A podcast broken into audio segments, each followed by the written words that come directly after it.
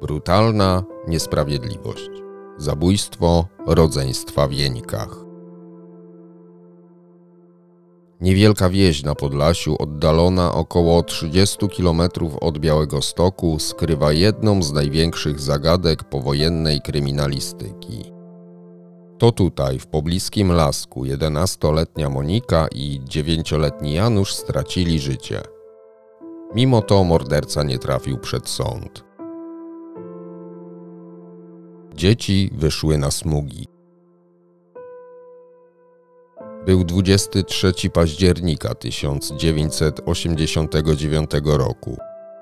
Januszek Faszczewski wraz ze swoją starszą siostrą, jak co poniedziałek po siódmej rano poszedł do szkoły oddalonej o około kilometr od ich domu. Chłopiec po skończonych lekcjach wrócił jako pierwszy. Niedługo potem dołączyła do niego Monika. Gdy tylko przekroczył próg, otrzymał reprymendę od swojej matki. Nagana była pokłosiem rozmowy pani Cecylii z nauczycielką małego Urwisa, który często lubił nieco nabroić. Januszek wysłuchał upomnień i obiecał poprawę. Następnie, przed obiadem, wraz z siostrą wyszedł na smugi. Tak miejscowi nazywali okoliczne łąki, pełniące funkcję placu zabaw. Monika wzięła ze sobą prowizoryczną skakankę, zwykły sznurek od bielizny, na którym wiesza się ubrania. Minęła godzina, a dzieci nie wróciły do domu. Nie było widać ich na polu, choć dom państwa Faszczewskich stał nieopodal. Zaniepokojona matka poprosiła Leszka, by poszedł po rodzeństwo. Chłopak zgodnie z poleceniem ruszył na poszukiwania. Najpierw poszedł na smugi, potem zagłębił się w pobliski lasek. Brata i siostrę nawoływał po imieniu. Bezskutecznie. Zniechęcony wrócił i oznajmił, że nie znalazł Januszka i Moniki. Pobieżne poszukiwania pani Cecylii również nie przyniosły rezultatu. Po szesnastej z Białego Stoku wrócił ojciec dzieci, pan Józef. Pracował w składnicy księgarskiej. Nie zarabiał zbyt dużo. U Faszczewskich się nie przelewało. O tym, że dzieci od niemal dwóch godzin nie wróciły do domu, dowiedział się po obiedzie. Wraz z bliskimi i grupą sąsiadów poproszonych o pomoc postanowił przeczesać okolice. Wieś była niewielka, a dzieci na pewno nie odeszły daleko. Niestety, ich próby spełzły na niczym. Rodzina zgłosiła zaginięcie, jednak zmierzch uniemożliwił milicji wydajne prowadzenie akcji. Tę wznowiono o świcie, koncentrując siły w pobliżu zagajnika między Jenikami a Łupianką Starą. Po południu nastąpił przełom. Ciała pod ściółką. Uwagę pana Józefa zwrócił fragment na obrzeżach lasku, przypominający darnię rozkopaną przez dziki. Podszedł bliżej i nieco rozgarnął ziemię. Wtedy zauważył dłoń i kawałek skarpetki, które wystawały ponad warstwę ściółki. Tam były schowane zwłoki jego dzieci. Monika była ubrana w niebieską spódniczkę i czerwony sweterek. Janusz w granatową koszulkę z krótkimi rękawami i beżowe kalesonki. Obok wisiał naprężony biały sznur skakanka Moniki. Był owinięty wokół szyi dziewczynki, a drugim końcem przywiązany do drzewa. U Janusza, podobnie jak u Moniki, na szyi widniały ślady świadczące o uduszeniu. Podczas sekcji ustalono, że śmierć chłopca była gwałtowniejsza, co wynikało z większej siły nacisku. Monika, wcześniej prawdopodobnie przy użyciu gołych rąk, została pozbawiona przytomności. Majtki dziewczynki były wciśnięte do jednego z bucików. Biegli potwierdzili motyw seksualny zabójstwa. Zabezpieczono krew z zapaznokci ofiar i ślady linii papilarnych na ich obuwiu. Funkcjonariusze przeszukali wioskę pod kątem elementów mogących mieć jakikolwiek związek z podwójnym zabójstwem. W ten sposób około 150 metrów od zagajnika znaleźli zwój drutu. Czy miał związek z morderstwem? Tego nie udało się do końca ustalić. rozpoczęto gorączkowe poszukiwania zabójcy. Wiele wskazywało na to, że długo przebywał na miejscu zbrodni. Jednak milicja nie była w stanie dotrzeć do świadków, którzy wnieśliby do sprawy coś istotnego. Część przerażonych mieszkańców, bojąc się o swoje pociechy, przestała puszczać dzieci do szkoły. Hipotetyczny przebieg zdarzeń. Milicjanci połączyli fakty i przypuszczenia, co pozwoliło im odtworzyć potencjalny scenariusz październikowej tragedii. Doszli do wniosku, że do morderstw doszło prawdopodobnie chwilę przed 15. Niedługo po wyjściu dzieci z domu. Śledczy założyli, że Monika i Januszek rozdzielili się, co mogło wynikać ze sprzeczki lub typu zabawy, np. wchowanego. Dziewczynka weszła do lasu. Sprawca pomyślał, że jest sama. Zaatakował. Zaczął zaciskać ręce na jej szyi do czasu, aż straciła przytomność. By upewnić się, że ją zabije, ze sznurka imitującego skakankę utworzył węzeł, opludł nim szyję ofiary i zadzierzgnął. W tym czasie najpewniej został nakryty przez Januszka. Chłopiec przerażony rzucił się do ucieczki. Morderca pobiegł za nim, złapał i zaczął dusić. Następnie przeciągnął zwłoki, o czym mogły świadczyć spodnie i skarpetki częściowo zsunięte z ciała dziewięciolatka. Śledczy ustalili, że Leszek w pewnym momencie znajdował się niecałe 100 metrów od miejsca ukrycia zwłok. Założyli, że spłoszył zabójcę. Mniej więcej o tej porze, w której doszło do morderstwa, w lasku był pan Antoni. Zbierał chrust na opał. Tak przynajmniej wynikało z relacji jego wnuka, który twierdził, że w trakcie poszukiwania rodzeństwa spotkał dziadka. Jednak dwa dni po śmierci wnuków Antoni zaprzeczył, jakoby 23 października był w lesie. Ta wersja nie zgadzała się z relacjami Leszka i pani Cecylii. Kobieta twierdziła, że widziała Antoniego idącego w tamtym kierunku. Trakcie przesłuchania mówił, że ma sklerozę, a poza tym boli go głowa i chciałby odpocząć. Wkrótce śledczy ponownie przepytali mężczyznę. Dziadek początkowo podtrzymywał swoją pierwotną wersję. Mówił, że nie był wtedy w lesie, lecz na pastwisku, u sąsiada. Po chwili zmienił zeznania. Powiedział, że wychodził do lasu około 12 bądź 13, a nawet był tam drugi raz i wtedy spotkał Leszka. Po czym sprostował, że z wnukiem widział się nie w lasku, tylko na łące przy zagajniku.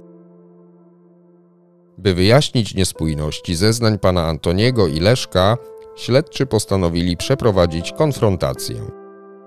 Ostatecznie w raporcie po wizji lokalnej stwierdzono, że widoczność z miejsca, w którym Leszek rzekomo zobaczył dziadka, była słaba, a kontakt z chłopcem był utrudniony.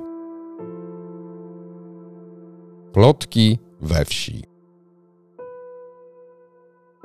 kręgu podejrzanych jako pierwszy znalazł się pan Józef. Milicja przypuszczała, że skoro to on natknął się na zwłoki, być może dopuścił się zbrodni. Ten trop szybko porzucono, aczkolwiek ziarno niepewności zasiane wśród lokalnej społeczności kiełkowało. Wkrótce poruszeni mieszkańcy wsi zaczęli sugerować, że zabójstwo mogła zaplanować pani Cecylia – do dziadka Antoniego przyszedł anonim, w którym nadawca chciał, by mężczyzna przyznał się, że to on zabił. Zaczął się rodzinny horror. Oskarżali, że tata zamordował, potem mama, potem dziadek. Nie dość, że straciłam rodzeństwo, to przechodziliśmy takie rzeczy. Uznano, że rodzice są mordercami. Trwało to, dopóki śledztwo nie zostało umorzone. Wspominała w programie Uwaga pani Katarzyna, siostra zamordowanych dzieci.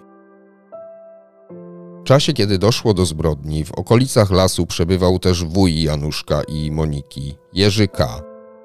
Razem z synem, trzynastoletnim Darkiem i bratem naprawiał przyczepę. Twierdzili, że nie dostrzegli ani nie usłyszeli niczego niepokojącego. Darek podobno był nieformalnym hersztem bandy, która dokuczała rodzeństwu w szkole.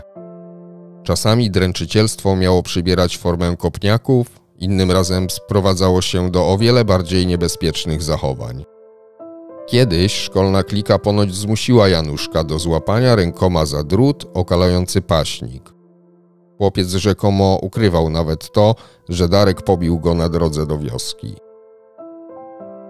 Monika też nie miała łatwo. Raz, gdy weszła za chlewiki szkolne, Darek wraz z kolegami pobiegł za nią i otoczył tak, by nie mogła wyjść. Powiedzieli, że ją wypuszczą, jeśli się rozbierze. Zsunęła majtki. Oni roześmiali się i ją zostawili. Tę historię tuż po tragedii Darek miał opowiedzieć milicjantowi. Później będzie zaprzeczał, że takie zdarzenie nie miało miejsca. Tajemnicza para. W maleńkich jeńkach wszyscy dobrze się znali, dlatego bez problemu rozpoznawali przyjezdnych. Tak było 23 października, kiedy przez wioskę przechodziła tajemnicza para. Zarówno on, jak i ona mogli mieć około 30 lat. Kobieta z czarnymi włosami i twarzą pokrytą mocnym makijażem była ubrana we wzorzystą niebieską kurtkę i czarną spódnicę. Mężczyzna był szczupłej budowy ciała i miał na sobie czarny beret, szarą kurtkę do kolan i szare spodnie. Niósł dużą torbę. Szedł w charakterystyczny sposób, wskazujący na upojenie alkoholowe bądź chorobę. Parę zaczęto podejrzewać o związek z podwójnym zabójstwem. Kręciła się w okolicach lasku w porze, w której doszło do morderstwa. Niestety, opublikowane portrety pamięciowe nie pomogły w identyfikacji. Nie ustalono też, czy ślad damskiego obuwia znajdujący się około 70 metrów od miejsca ukrycia zwłok pozostawiła po sobie nieznana kobieta. Sprawa została umorzona, jednak po pewnym czasie do morderstwa przyznał się Andrzej Machowski, zabójca bliźniaczek Sylwii i Roxany, znany jako Bestia ze Śląska. Policja uznała, że mężczyzna nie jest wiarygodny. Konfabuluje. Jego twierdzenia nie pokrywały się z materiałem dowodowym. Wkrótce podejrzenia padły na Stanisława K., spokrewnionego z Faszczewskimi. Mężczyzna leczył się psychiatrycznie i był karany za nadużycia seksualne. Ostatecznie wykluczono go z grona podejrzanych. Ponadto Stanisław w dniu, w którym doszło do tragedii, przebywał w więzieniu, z dala od Jeniek. Sekret. Przed 28. rocznicą śmierci Moniki i Janusza, ponad 40-letniego Leszka odwiedziły osoby z Wydziału Dochodzeniowo-Śledczego Komendy Wojewódzkiej Policji w Białymstoku. Podczas wizyty brat zamordowanych zdecydował się wyjawić im głęboko skrywany sekret. Powiedział, że rodzeństwo zabił Jerzy K. wraz z synem Dariuszem, jednak dziadek zabronił mu o tym mówić. Podobno Jerzy i Darek chcieli zgwałcić Monikę, ale Janusz im w tym przeszkodził. Dziadek miał usłyszeć krzyki dzieci, lecz nie zdążył im pomóc. Jerzy K. rzekomo zagroził panu Antoniemu, że jak ich wyda, to pozabija mu wszystkie wnuki. Ze względu na ujawnione okoliczności, Leszek został przebadany. Specjalista uznał, że mężczyzna nie jest w stanie precyzyjnie relacjonować zdarzeń z przeszłości i ma skłonności do fantazjowania. Mimo to został przesłuchany. Mówił, że dzieci zamordowano w sąsiednim, olszynowym lasku, a ciała przeniósł dziadek Antoni. Policja ponownie wytypowała osoby mogące mieć związek z podwójnym morderstwem. Analiza protokołów doprowadziła ich do wniosku, że największe rozbieżności pojawiły się właśnie w zeznaniach mężczyzn naprawiających przyczepę. Mniej więcej rok później zespół do spraw przestępstw niewykrytych działający w strukturze białostockiej KWP ogłosił, że ustalono nowe okoliczności zbrodni w Wieńkach, a nawet wytypowano sprawcę. Optymizm służb szybko przekuł się w piętnowanie działań policji. Co? Ja jakiś zabójca? O co wam chodzi? pytałem. Przesłuchanie wyglądało tak, że muszę się przyznać, bo będę zgnojony w więzieniu. A ja mówię, za co? Dajcie mi dowody jakieś. Nic nie mają, żadnego dowodu. Byłem badany wykrywaczem kłamstw. Pytano, czy zamordowałem tę dziewczynkę, a później tego chłopca, Januszka. I bez zastrzeżeń było. Mówił Jerzy K. w wywiadzie udzielonym interwencji. Syna Jerzego, Dariusza, przesłuchiwano w charakterze świadka. Podobno podczas zadawania pytań w sprawie Januszka i Moniki miał być nerwowy. Ostatecznie żadnemu z nich, jak i innym osobom rozpytywanym na okoliczność zbrodni, nie postawiono zarzutów. Od mężczyzn pobrano DNA. Po pewnym czasie nadzorujący sprawę prokurator z prokuratury okręgowej w Łomży, Rafał Kaczyński, poinformował, iż cały materiał warsztatowy, który zgromadzono w śledztwie jako sprawcę zabójstwa obydwojga dzieci, wskazuje mieszkańca Jeniek, Dariusza K., który wówczas miał 13 lat. Winny czy niewinny? Materiały przekazano do sądu w Wysokiem Mazowieckiem. Wobec Dariusza K. nie zastosowano środków zapobiegawczych, ponieważ polskie prawo nie przewiduje standardowej odpowiedzialności karnej, takiej jaką ponosi dorosły, w przypadku osoby poniżej 15 roku życia. O jego losie miał zadecydować sąd rodzinny, który jako najsurowszą karę mógł wymierzyć mężczyźnie pobyt w zakładzie poprawczym. Tutaj pojawił się problem. W poprawczaku można przebywać jedynie do ukończenia 21 roku życia.